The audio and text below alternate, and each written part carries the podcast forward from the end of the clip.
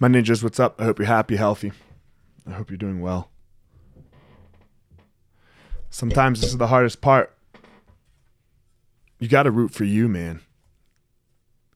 And sometimes we think we root for us, but deep down inside, we're scared to root for us. You're scared to root for yourself because what if you fail? What if you fuck it up? What is everyone else going to think and do then? We got to root for us.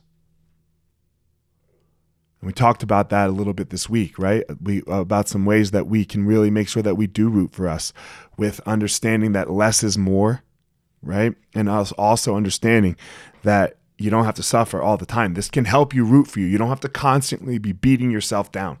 You don't have to constantly be like, "No, I got to go harder. I got to do this. I got to take on more." That that is not necessarily rooting for you. How do you root for you? We take time for ourselves, we meditate, we exercise, we eat healthy. And for me, one of the things that's really helped recently is thinking as thinking things of not as good or bad, and I and I know I've talked about this, but as skillful and unskillful, because that way I can always be more skillful. Even when I do something quote unquote badly, I can just be more skillful. And that way I'm always on my team. I'm never fighting myself like, ah, oh, you dumb fuck, or ah, whatever we say to ourselves.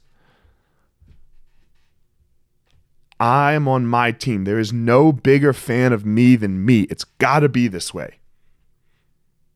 You can't have it any other way. You can't. We know what people. We know. We know what it is.